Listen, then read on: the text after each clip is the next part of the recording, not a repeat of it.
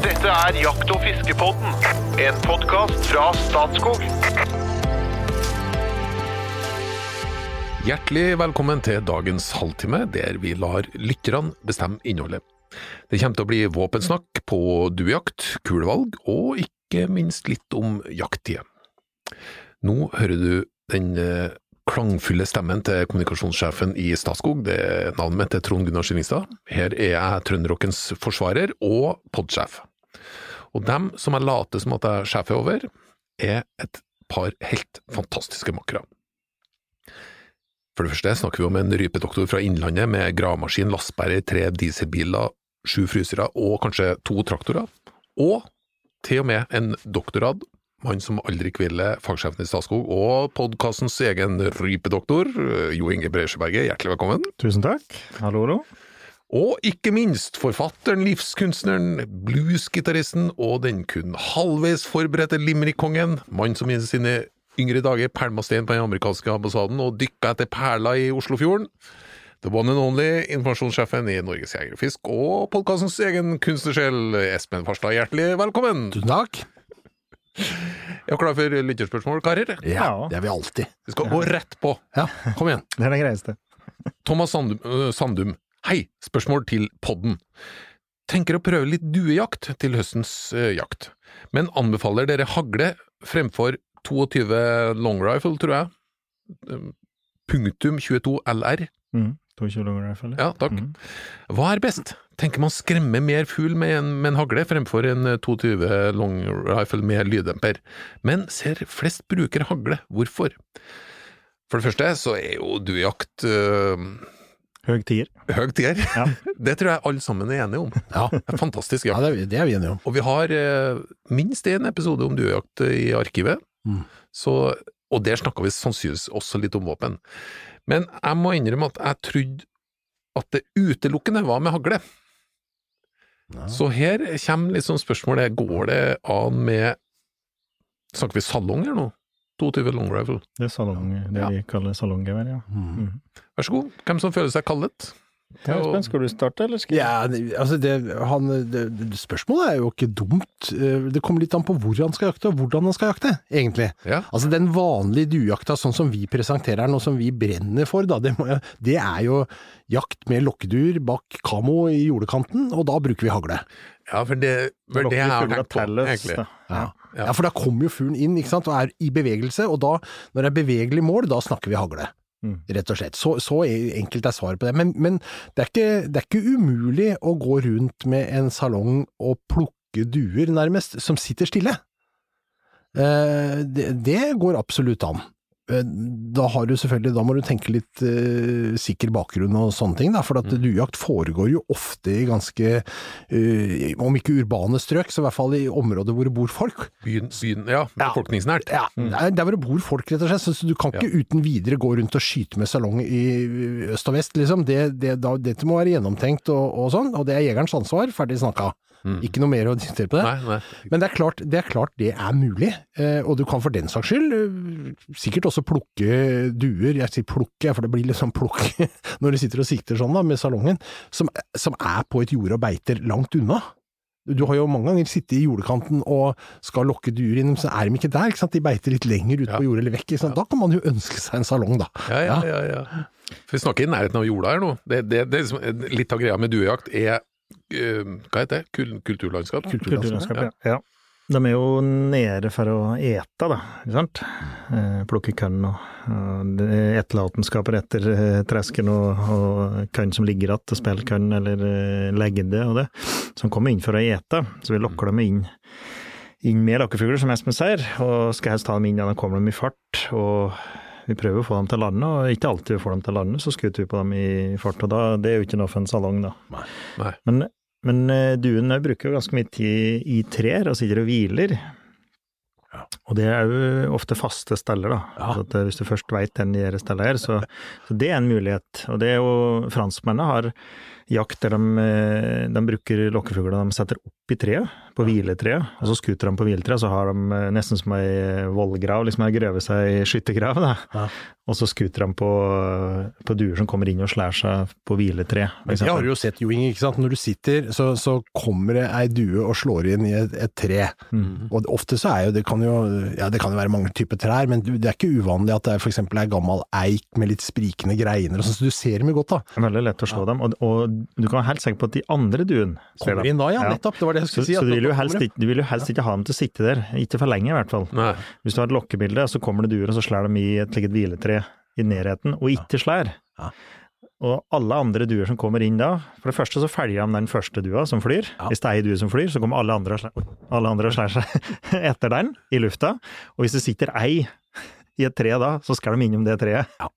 Dette er helt riktig. Det er ei due som slår seg en feil. Altså, Ja. Så egentlig det du gjør da, Det er jo plaffe på den. det er å skyte. Ja, ja. det å skyte et skudd bare for å få den på vingene. Ja. Og så får du liksom beveger det seg igjen, ikke sant? og der kan det ha en misjon, da, å ha salongrefle. Men det er som Espen sier, du må jo vite bakgrunnen her, da. Ja. Det, det er jo ikke noe kaliber i hele verden som sender flere kuler på avveie enn en salong, altså. Så, det, så du må vite bakgrunnen, at det er trygt å skute den retningen. Hva mener mente du med det, egentlig? At det er ikke noe kaliber i verden som Nei, altså det, salong er jo i all hovedsak ei eh, massiv blykule. Ja. Når den treffer et eller annet i like, passe hastighet, så rikosjerer den, og så, og så får du en rikosjett, da. Okay. Og ei kule på avveie. Og det er ikke noe ålreit. Og, de, og der er, der er 22 er i særklasse, den som sender flest kuler på avveie. Ok. Ja. Og så- så så skal jeg en liten advarsel her nå, eller en liten sånn der pekefinger ut her nå. For veldig ofte så slår disse duene seg ned på ledninger. Ja, og det var mitt neste Mm. poeng. Ja, og det, og det er altså Du skal ikke skyte med duer. Altså, da tror jeg du risikerer en Det- alvorlig det er regning fra det skal du ikke gjøre, nei. Nei. Ja, Jeg har, jeg har en kamerat som har gjort det, men det skal vi ikke gjøre. Nei, Så det, det, det må vi holdes for god for, og det er ikke lov. Men du, det er helt utrolig, men jeg har faktisk en limerick om om, om akkurat dette. Så jeg, det er tidlig på den, altså. Men eh, jeg, vanligvis så sitter jeg i sånne episoder og prøver å finne et innsmett for en limerick som kan passe, men denne passer jo som skudd i hanske, eller hva det heter. Ja. Skudd i hanske, ja. Ja. Vær så god. Det er litt nødrim inni her, men eh, det må man noen ganger leve med. Noen gang går det, ikke sant? Det, det, ja. Den heter Salongjeger, nemlig. Ah, Ja. En bedagelig anlagt jeger ifra Grong. Han dro på duejakt så flott og fin og fjong. Han satte seg så glad på post i en sofa. Han hadde hørt man kunne jakte med salong. Var litt nødrim der, men, eh, men det går. jo. Du kompenserte med godt humør i løpet av i, i fremføringa. Det var veldig bra. Ja, ja. Så vi, vi, skal vi oppsummere, så, det, så kan det ha en misjon med salong, men eh, i den grad han eh, skal dyrke der og drive med duejakt, så er det liksom det å haglejakt og det å få dem inn, det er jo det som er liksom hele greia. Og så kan han ha bra jakt ved å, å høste duer da, som sitter på sitter og hviler, da, eksempel, og kommer slær i tre. Det kan han ha, men eh, noen ganger må vite hvor han sender de kulene. Ja. Og så hadde han et spørsmål om, om, om skuddet skremmer inni der. Ja. Ja. Eh, og det, det, det gjør det jo, det skremmer dem på vingene, men det varer ikke lenge. De er omtrent som en gullfisk som har svømt en runde i en bolle, så har de glemt det, og så skal de slå Ja. ned igjen. Så noen ganger så løsner vi jo faktisk skudd for, For å å, få dem. dem på vingene. Ja. Dessuten så sitter vi jo ofte på duetrekk, det betyr jo at det kommer jo nye duer inn hele tida. Så, så det er ikke noe sånn veldig problem akkurat det med at du skremmer duene med skuddet. Nei, også det ene tilfellet vi nevnte på, det sitter en due i, i et tre, og så kommer det andre inn der. Det kan ha en misjon også ta den, da, for eksempel med salgrafla. Men, men hvis du skuter på duer som sitter og beiter på et jorde, og du skuter ei, ei due der med salgrafla, så forsvinner de andre da, akkurat som du skuter med hagl, altså. Du får ikke dem til å sitte som du har eh, lyddemper. Nei. Så varer de. Ja, for det, jeg må vel spørre, da. Hvis, hvis du lar, lar duene lande, da. Mm. Du, du tar det mer kulde, da. Du ligger i skjul, og så lar du duene lande. Hvordan er det da å bruke en salong? For når, da jeg var med på duejakt, så var det, liksom, det var- spesielt akkurat i landingsøyeblikket. Mm. Der det er for seint for dua å snu, egentlig. Eller sånn. Ja, ja. Den må bruke ganske mye krefter på å komme seg opp igjen. Ja. Så det, akkurat når den brer ut vingene og skal lande, det var perfekt skuddøyeblikk. Mm. Men hvis du lar dem lande, da, så ligger du med en salong Ja. og skjøter dem mens de er på jordet Nå får du en veldig sånn eh, hva skal vi si, en veldig sånn Flat vinkel. Flat vinkel, flat vinkel, ja. ja. Så, så jeg vil jo tro at rikosjettfaren er ganske stor. og Ja, nok en gang, da. Ja. Eh, på et jorde, da, så er det jo Men jeg må sjekke, da. Ja, det er jo eh, som regel da, på et jorde så er det ikke så mye stein, eller altså det er, det er løs jord, da. Men, eh, men det begynner jo ikke engang, så skutt du ned bakken, du kan få rikosjetter, så du må vite Ja. her du har bak, ikke sant, så det er trygt. Og for det andre så får du da ett skudd, da. Mens med hagle, er du to mann, så kan du i beste fall klare fire. Ja. Nei, altså, for å kalle en spade en spade.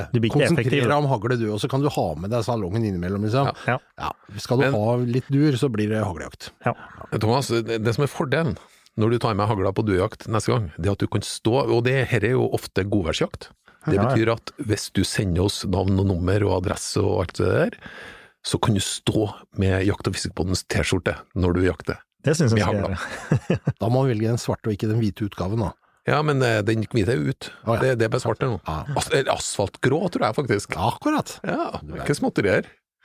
Ja. Nei, men eh, flott, Thomas. Kjempegodt spørsmål. Da lærte jeg enda mer om duejakt, som jeg for øvrig syns er helt fantastisk fra før. Lite sånn innsmett her nå, fra en Ole G. Rønes. Hei, rypedoktoren sier han benytter en butt helmantlet kule i kaliber 223 til toppjakt. Hvilken kule? Ja, det var bra sagt. Den tenker jeg satt. Det var bra spørsmål. Godt spørsmål. Artig at du spør. Artig at du spør. Jeg sier at jeg foretrekker ei bytt kule, ja. Og det var eh, i 6,5 så har jeg brukt ei bytt kule. Men eh, i 223 der har jeg brukt eh, en hælspiss. Du må forklare hva det er, så jeg skjønner. Ja. Eh, jeg, liker, jeg foretrekker å bruke butt kule på, på teppejakt. butt- det Kule kontra det vil si at, altså at den ikke er helt spiss, da. Mm. En konkurransekule de er ofte veldig spisse. Okay. Det har noe med flygeegenskapene å gjøre, og, og minst mulig luftmotstand. Ei buttkule den vil ha mer luftmotstand, da. Men ha- Altså en hva heter det blir litt som en- mye mer umiddelbart. Er det det som er greia med at den er butt? Nei. Nei. Det er ikke det. Så det blir litt som luftmotstand på en Tesla kontra en lastebil. Altså En Tesla er eh, strømlinjeformet, mens en lastebil er en vegg. Ja. Det er butt kule den er da ganske rund og, og har en stor eh, tupp, da. Mens ei spisskule, ei matchkule, er eh, ofte veldig spiss. Og mange av de har, har hæl, altså hælspiss. Mm. Og det er ikke beregnet på at den skal ekspandere en, ei matchkule, det er faktisk du får mer presisjon i dem. Ok. Ja, av en grunn. Eh, men det er veldig populært, da. Så at eh, opp igjennom så har svensker, for eksempel, som driver ganske mye mer med dette enn oss, de har brukt da matchkuler, da. Sierra eller eh, Lapia Senar, for eksempel. Det er da ei matchkule som er lang og, og slank, altså veldig spiss, med eh, i tuppen. Og det funker som regel bra, helt til du treffer vingeknoka eller noe bein eller noe, så kan det rives rundt ganske mye, for da kan den åpne seg, og så ekspandere, da, som vi sier. Og kan lage litt store hæl. Mm. Mens eh, de kulene jeg har brukt, da, er gamle rekruttkuler. Når vi skjøt på blink i gamle dager, så hadde vi noe som het eh, Rano rekrutt, som da var den, Jeg tror de kalte den for tambakk. og Den var det nesten som du skulle kappe over tuppen på den. Så den var helt burt. Og den kløpper bare helt rundt hæl. Akkurat eh, 6,5 som er 6,5 mm kule, da. Kløpper bare helt rundt hæl i blinken. Og det gjør den òg i en okay. Ok. fjørane, for eksempel. Da. Så den lager lite hæl, da. Men den har da en krummere kulebane, så, så du må ofte litt nemmere, eller kompensere for det, da. Hvis du skutter på mer enn 100 meter, så detter den ganske fort. Ja. Og da må du da vite hva du driver på med. Mens ei, ei spisskule, den vil da fly flatere, da. En flatere kulebane. Det vil si at du må kompensere mindre hvis du skutter på lenger enn 100 meter, eksempel. Eh, og i 223 så har jeg brukt eh, Saco-kuler som er, eh, som er eh, hælspiss, da. Så akkurat hva den heter, jeg vet ikke, men det er, det ei matchkule som er hælspiss i Saco, så har jeg brukt. Og det funker som fjellet. Den river ikke større hæl enn at det, det blir pene slakt, da. For det er noe med, hvis du skuter med ja, så elgrefle, ja, 6,5 eller 3,8 eller noe, så bruker du noe ekspanderende kuler, så kan du ødelegge hele fuglen, og det er jo ikke poenget. Han blir jo på stellet, men eh, det er veldig fort at du ødelegger den. Ja. Skutter den i filler. Derfor så foretrekker jeg å bruke da kuler som ikke ekspanderer, og som da er butte, da. Og et, et greit valg er da for eksempel Norma sin, eh, heter den? Ja, kommer jeg ikke på heller. De har en, Lapa la på en som heter Trainer, og så Norma har en som heter Jaktmatch, kaller de Mhm. den. Den er ganske mye. Det er en fin fuglekule, for eksempel. Det er et bra eksempel. da. Butt helmantla, helmantla, det betyr at den ikke er At den er innkapslet, at det ikke er hæl i spissen. mm, mm. Mm. Ja, nei, men det var kjempebra. Det, da er vi over til Kan, kan du ta den analysen av hva du velger, Espen? Ja, det er ganske enkelt. Eh, Jeg har jo en mye eh, enklere tilnærming til dette med jakt enn det Inge har. Kanskje mer som folk flest, da, bare for å nevne det. Ja. Nei, altså, jeg kjøpte meg, når jeg skulle kjøpe meg rifle Jeg jobba jo på Jeger og Fisk, så jeg hadde jo nok av folk rundt meg som hadde anbefalinger, og jeg fant jo ut at når jeg gikk og spurte folk, så fikk jeg litt flere meninger tilbake enn folk jeg spurte. Altså, det var jo. Alle har jo hver sin mening om dette. Så endte jeg opp med en 308 som min eh, børse, valgte børse, som jo da er eh, gammelt Nato-kaliber på en måte, og det betyr at jeg da også kunne få billig treningsammunisjon, Nato-ammunisjon. Ja. Og det har jo jeg brukt. Mhm. Funka, funka jo fint helt til jeg, som jeg har fortalt om tidligere i en episode, skjøt denne tiuren som jeg veit at jeg traff, men som jeg aldri fant. Mm. Så nå er jeg nok litt på at jeg tror jeg heller vil risikere å skade litt fugl enn å altså skade for litt kjøttødeleggelser og finne fuglen, Ja. enn at jeg skal skyte fuglen og ikke finne den. Så Alternativ hund, ja. Hva? Alternativ hund. Ja, men da, du skal ikke svime rundt med bikkje når du går på toppjakt i skauen. Det. Ja, det går, ja, jo, men Nei, men det er klart, og slik som 308 er jo et kjempe allround-kaliber, det kan du skutte alt med egentlig i Norge, da. Men eh, jeg syns det er litt i meste laget, på en ærane eksempel, syns det blir litt mye, litt overkill, da. Så derfor så har jeg gått ned. Ferskøtte med 6,5, og nå har jeg gått ned til 223. Mm. Men eh, for det du kan, ja, det som du sier da, en, en ærane eksempel, du kan traktere den ganske ille hvis det ekspanderer. Jeg er med på at det bare henger at det er skinnfelle, liksom, hele fuglen er borte. Ja. Og da, da kan liksom det holde opp. Ja. Nei, Være borti en kvist, for eksempel, eller et eller annet som du ikke Ja, ser. ja, ja, ja. Eller, eller vinkenoka. Kan, det er såpass mye bein her i vingeflekken at det skjer du treffer den og, og kula ekspanderer, og så henger det igjen bare skinnfille i buska, liksom. Og det, da kan jeg helt opp og skutte inn. Da. Nei, Mm. det er ikke noe vits i.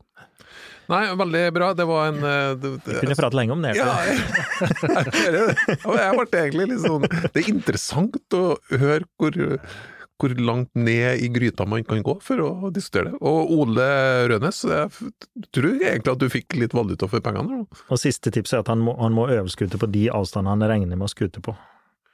For det begynner Ja. å bli høll, og han må prøve, da. Som starter for eksempel å skute inn på 100, jeg bruker å skute inn på 150 når jeg jakter på tepp. Det er ganske liten forskjell mellom 100 og, og 200, og hvis du bommer lite grann da, så, er du, så har du såpass uh, sikkerhetsmargin, det stort sett går bra, men han må prøve på de forskjellige distanser. Det er et godt tips, ja. Eh, For å vinne de hølle på en fugl, eksempel, som er så liten, det er jo, dette er jo prikkskyting, ja. Ja. Og vi skal jo treffe det vi skal. Det, det eh, målet du skal treffe er kanskje en- som en femkroning, og du skal gjøre det på eh, Jeg vil ikke anbefale å dra høllen over 150 meter heller. Holde seg under 150 meter. Hvor stor forskjell er det på to patronesker? Er, er det veldig stor for, forskjell fra patron til patron? Det kan være det, ja. Ja. ja. Og spesielt hvis du bitter merker, eller, eh, eller bitter eh, Altså vekta på kula, kan ha mye å si. Jaha. For, her er sånn kulebane de har, da. Så det kan bety ganske mye. Men det er jo forskjeller innenfor hver lott, som vi ser. Altså når ammunisjonsfabrikanter lager patroner, f.eks. matchpatroner, så kjører de én lott, og da lager de kanskje 100 000 eller 1 million patroner, Ja. Og så omstiller de maskinene sine, og så lager de en ny lott. Og eh, når jeg ser konkurranseskyttere reiser til OL, for eksempel, de skuter jo aldri med eh, patroner i forskjellig lott. Da er det det samme, hvis du skjønner. Ja, ja, ja. Og da er, det, da er det patroner med ekstreme toleranser, da, som kan være kontrollert hver enkelt, liksom. Men da, det er ikke slik at du bytter lott i samme kaliber en gang heller, og samme merke og det. Altså, du, Ja, du spurte jo hvor kan man gå, nå får du jo svar. Endeløst. ja, men det er litt sånn samme det, i det enkle. da, så Når jeg legger flis, så får jeg jo beskjed om å ikke kjøpe forskjellige produksjoner. Du må, kjøpe, du, du må ha, Ja, ja, men det er litt for det det blir fargenyanser. ja, Nei, men, det var, det samme. men det var et veldig godt tips, og at, å være nøye på å prøveskjøtte med det utstyret du har tenkt å bruke. Ja. Ja. Ole Rønes, send oss uh, info, så får du T-skjorten fra Jakt- og fiskebonden som faktisk ikke kan kjøpes for penger. Og klart for, øh, klar for et siste spørsmål. Ja. Det kan vi sannsynligvis diskutere i tre dager, så vi får bare avpasse her. Det er fra en, eh, Lorentz Bil.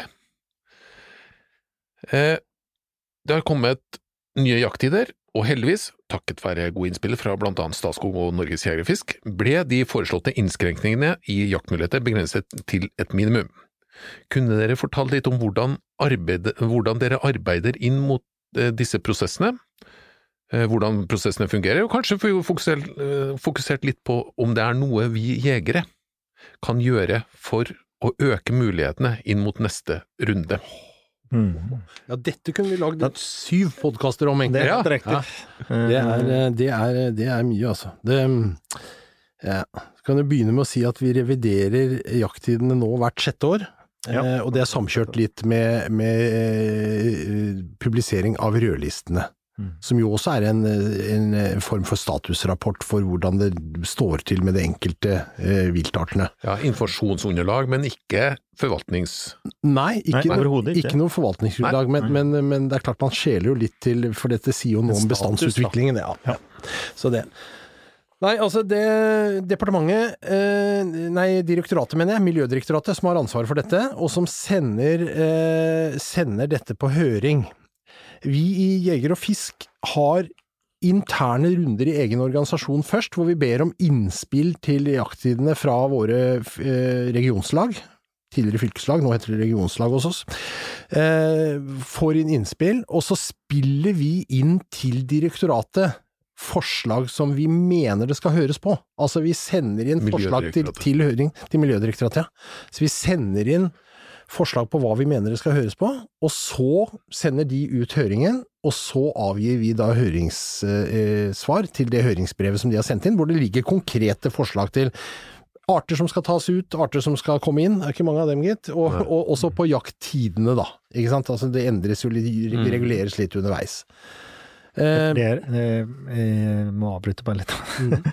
For det, er jo en innspillsrunde, som Espen sier. Altså en, det er en høring før høringa. Ja, Så det er en del organisasjoner som blir bedt om å komme med innspill Ja. før høringa. Ja.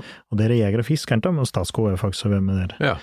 Og vi har jo rettet litt kritikk da, mot den innspillshøringa, for det er veldig få av de, de forslagene som kommer, det som faktisk kommer på høring. Mm. De to siste gangene så har det ikke kommet noen ting. Det er ærfugl, kanskje. Ellers har det ikke vært, noen av de innspillene som har kommet da, i den forhøringa, som har kommet med i høringa. Men det er et lite sidesprang. Men det er da, altså, en, en høring før høringa. Altså, Mm. du, du spær på endringer, og så kommer da liksom Jeger og Fisk hadde mange forslag da, til endringer før, den, før høringa kommer ut. Ja. Altså det er, så det er liksom det er eh, regelmessige organisatoriske prosesser som går her, rett og slett, hvor man Ja. har anledning til å spille inn i forkant, mm. og så kommentere selve forslaget som kom fra Miljødirektoratet. Og så trekker Miljødirektoratet seg inn i sine hjemmer og, og går gjennom eh, høringsinnspill og sånn, og så trekker de en konklusjon, og så kommer det nye aktiver. Sånn er det. Sånn er det fungerer. Og da er det ikke, det er ikke noe ankemulighet på det etter det. Så da kan man, sånn som jeg, som har eh, vært litt misfornøyd med at de tok ut rødving i trost, som jeg syns var dårlig faglig begrunna, og det bør det jo være selvfølgelig, eh, får jo ikke noe gjennomslag for mitt syn. For nå er prosessen avslutta, så nå er det seks år til neste gang. Så miljø, her, her stopper det med Miljødirektoratets konklusjon. Mhm. Ikke opp til noe departement eller politisk behandling eller noe. Nei, Nei. det, det, jeg må jo si at det får jo eh, vi er, vi er jo da gitt mulighet til innspill i forkant, og Mm. til å være en høringsinstans underveis. eh, Og så er det jo opp til oss da å gjøre en god jobb ved å, å dokumentere bestandsdata og sånne ting. Og han spurte jo også der eh, hva, gjør, hva kan jegerne bidra med her? Mm. Og, og vi kan selvfølgelig bidra med mye, for vi kan bidra inn til faktagrunnlaget. Mm. For vi ønsker jo en, en faktabasert eh, naturforvaltning, hvor, hvor, hvor jakta på en måte er så godt dokumentert som mulig. da. Og, og det arbeidet som gjøres i forhold til rypetakseringer, det som gjøres med sett uh, hjorteviltskjemaer, det ikke sant? Det, mm. tellinger altså Der har vi helt opplagt en rolle å fylle. Og jeg syns vi skal ta den rollen på alvor, for det, hvis vi bare blir sittende på sida og være misfornøyd med det som Miljødirektoratet vedtar, ja da, da, da, da utelukker vi oss selv på en måte fra en mm. egentlig ganske, i utgangspunktet ganske involverende og god prosess. Og så kan vi, som Jo Inge sier, være litt misfornøyd med at de ikke hører eh, på forslagene våre. Og så, ja, da får vi ta, oss, eh, ta et møte da, og si at jeg syns at dere bør kanskje skjerpe dere litt her, eh, Miljødirektoratet. Og så må vi gå litt i våre egne hjemmer og si at kanskje har vi ikke vært flinke nok. Og det finnes jo andre organisasjoner, for eksempel eh, det som tidligere het Norsk ornitologisk forening, som nå heter BirdLife. Birdlife, Ja. Mm. som, som jo er veldig kunnskapsbasert. Altså, de kan kan utrolig mye eh, om fugler og bestander og arter og, og all utvikling og sånn. Eh, så de spiller jo inn faglig tunge innspill, og det må, vi må være like faglig gode som dem. Ikke sant? Mm, mm. For det, det, det er jo antageligvis, da, basert på de innspillene som òg da Rødvingtrosten har tatt ut. Det, det har ikke noe med jakt å gjøre. Overhodet ikke med jakt. Nei, det var, og det er, det er jo sånn som vi må, vi må prøve å passe på som en interesseorganisasjon. Da mener jeg Jeger og Fisk har en veldig rolle der med liksom at vi skal, vi skal opprettholde standarden på begrunnelsen for forvaltninga. Mm. For da blir det eh, Vi kan ta litt fra Statskogs side, da. Ja. For eh, vi har jo litt annen tilnærming, og vi er jo med på den forhøringa. Og det er klart, da, da hører vi da med andre organisasjoner her de har tenkt å spille inn. Altså at vi, vi samkjøres litt, da. Med f.eks. grunneierorganisasjoner og Jeger og Fisk. Så der har vi et godt samarbeid. Eh, og, da, og vi har jo da pratet med andre grunnorganisasjoner, også Fjellstyresambandet eller Fefo eller eh, Skogeierforbundet eller Norskog. Altså, Mhm. og hører her de har for innspill, og så prøver vi å samkjøre det. Og så syns jo da, nok en gang, og det tror vi skal ta opp på neste høring, at det har vært for dårlig gehør da, på de eh, forhåndsinnspillene. For det er ingen av de som kommer med. Eksempel det med rådyrjakt i januar ble spilt inn. Ja. Og biologisk så er det fullt forsvarbart, men eh, det blir ikke hørt på en gang, da, eksempel. Og så forsvinner da rødvingtrosten, og det, der kjører da, liksom BirdLife kjører en store kampanjer da med at eh, vi må stoppe jakta på sangfugler. og det er liksom det er liksom et stort argument rundt det, og så skal vi se artom i sitt eh, leveområde. Og det er da Sverige hadde melder om en, om en nedgang i rødvingtrost, og så blir det da brukt som et argument for hvorfor vi ikke skal jakte i Norge. Mens vi feller ja, 3500-4000 troster. Var en enorm bestand, så det, det, det har ikke noe med jakt å gjøre, slik sett. da. Mhm.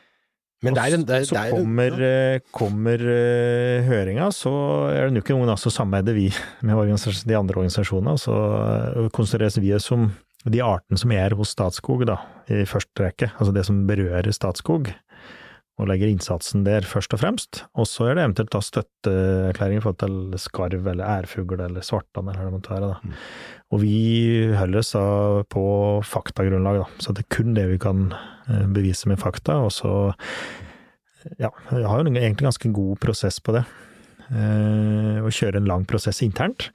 Og så er det da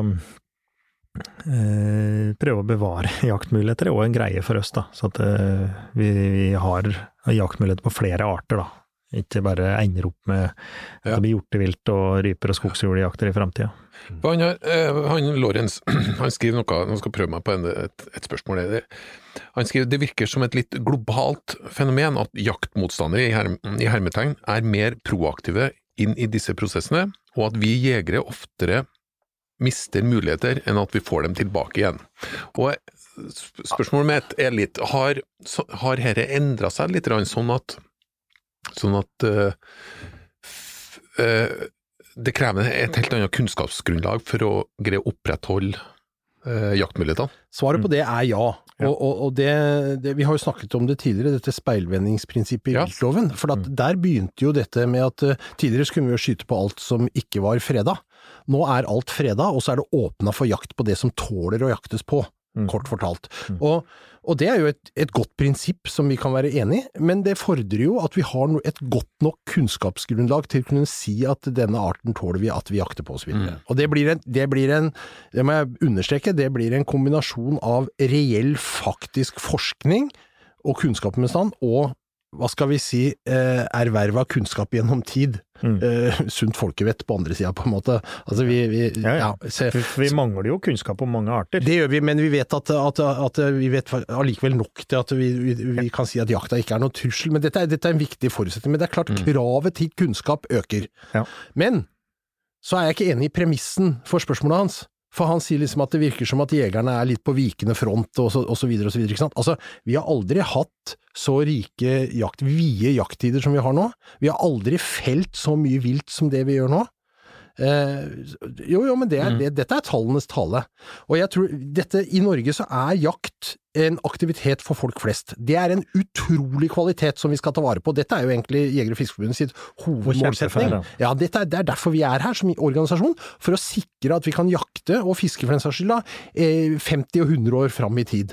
Så vi må sikre vilkårene for at vi kan gjøre det. Og i Norge så er eh, viltforvaltninga er jo en sånn, et trepartssamarbeid. Vi, det er grunneierne som sitter med rettigheten til jakta, og så er det myndigheten som setter rammer for jakta. Ikke sant? Miljødirektoratet bestemmer jakttiden og hva det skal jaktes på, men så er brukerne det tredje beinet på den krakken der, eller i dette trepartssamarbeidet. Vi er involvert, vi er med, vi deltar, vi er med, vi spiller inn, vi er med på høringssvarene, og vi på en måte har en rolle å spille her sånn. Og dette samarbeidet her er veldig, det- det skal vi ikke sette i spill på noen som helst måte. Vi skal være en aktiv aktør. Så litt svaret på det første var at selvfølgelig skal vi være aktive inn i dette, men så må vi ikke liksom, vi må ikke havne i en sånn derre antiposisjon heller, hvor vi sitter i et hjørne og tror at, syns at alle er vonde og leie og slemme mot oss der ute, og skal ta fra oss jakta og så videre, for sånn er det faktisk ikke. Sånn er det faktisk ikke. Så, så selv om vi møter noen utfordringer, Ja. sangfugler eller, eller noe som vi syns at eh, her kunne vi godt få lov til å jakte, ja sånn vil verden alltid være. Da må vi argumentere med vett og forstand og kunnskap.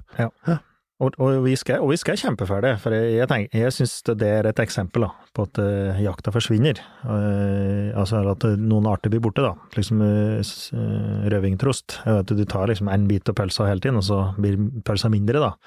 Og det skal litt til, tror jeg, neste gang. Neste jaktisøring. Vi skal jo gjøre en jobb da, Espen. Eh, å få inn igjen. Jeg tror det er vanskeligere enn at eh, gråtrosten forsvinner neste gang. Det må jeg ærlig innrømme, da. Ja, ja, ja, Eh, og Samtidig så må vi jo ha faktagrunnlaget, og en del arter sjøfugler våre har gått det skikkelig dårlig med, og de, nå, de fleste er da jakta borte på, eller, eller sterkt redusert. Og Det må vi òg ta inn over oss, og da, da, da er jakta altså, Da må vi akseptere da, at eh, noen jaktmuligheter forsvinner, men det betyr heller ikke at de ikke kan komme tilbake, i den grad det går bedre med dem.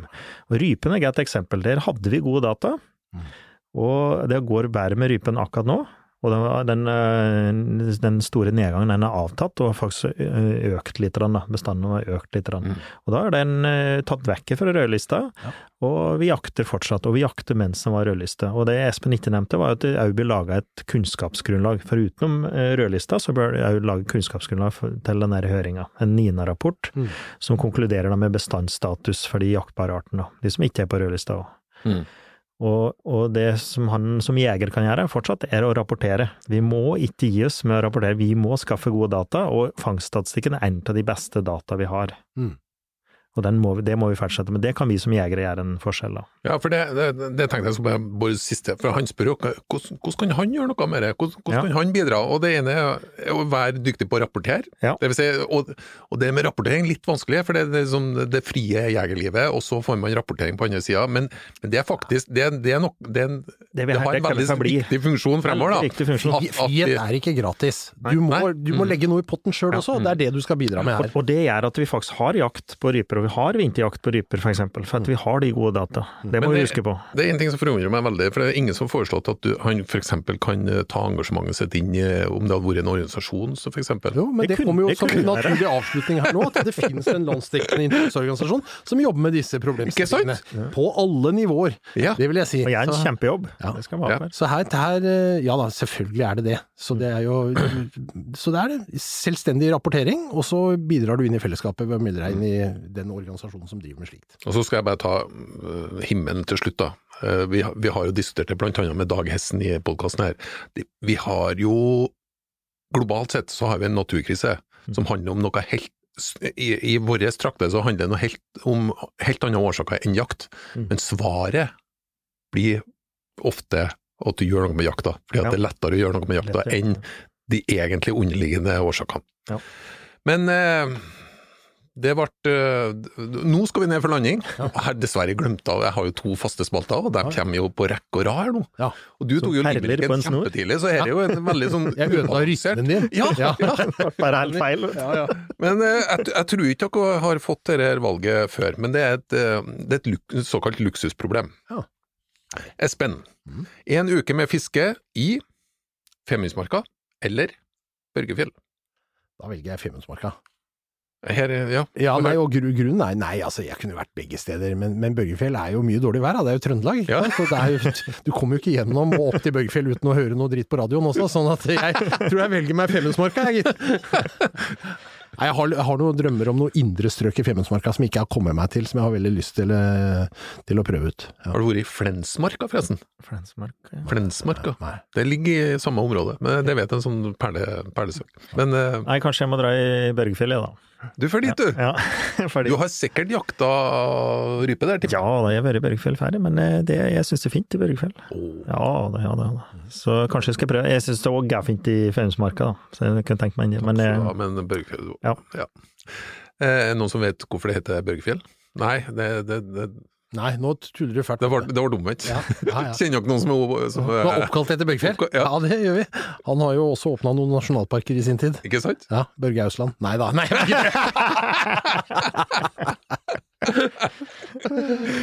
Nei, men kjære lytter, nå skal vi gå ned for landing. Takk for følget.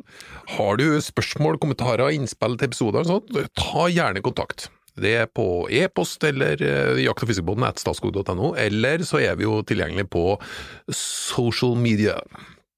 Er dere klar for hot or not, folkens, før vi fader ut?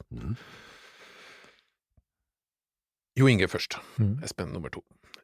Reinsjakt på Hardangervidda, hot or not? hot. Oh, hot. Nattoptikk, hot or not? Hot ja Mm, Hot. Vanskelig. Ja. Og jeg sier hot, jeg. Streamere, hot or not? Hot. Hot. Caps med øreklaff, hot or not? Not. Hot. Ok, siste. Fra albumet Sukker og salt fra Åge Aleksandersen, låta 10 grader øst, 63 grader nord, hot or not? Det var et rungende hot i studio her! Takk for det, og velkommen tilbake til Jakt- og fiskebåten!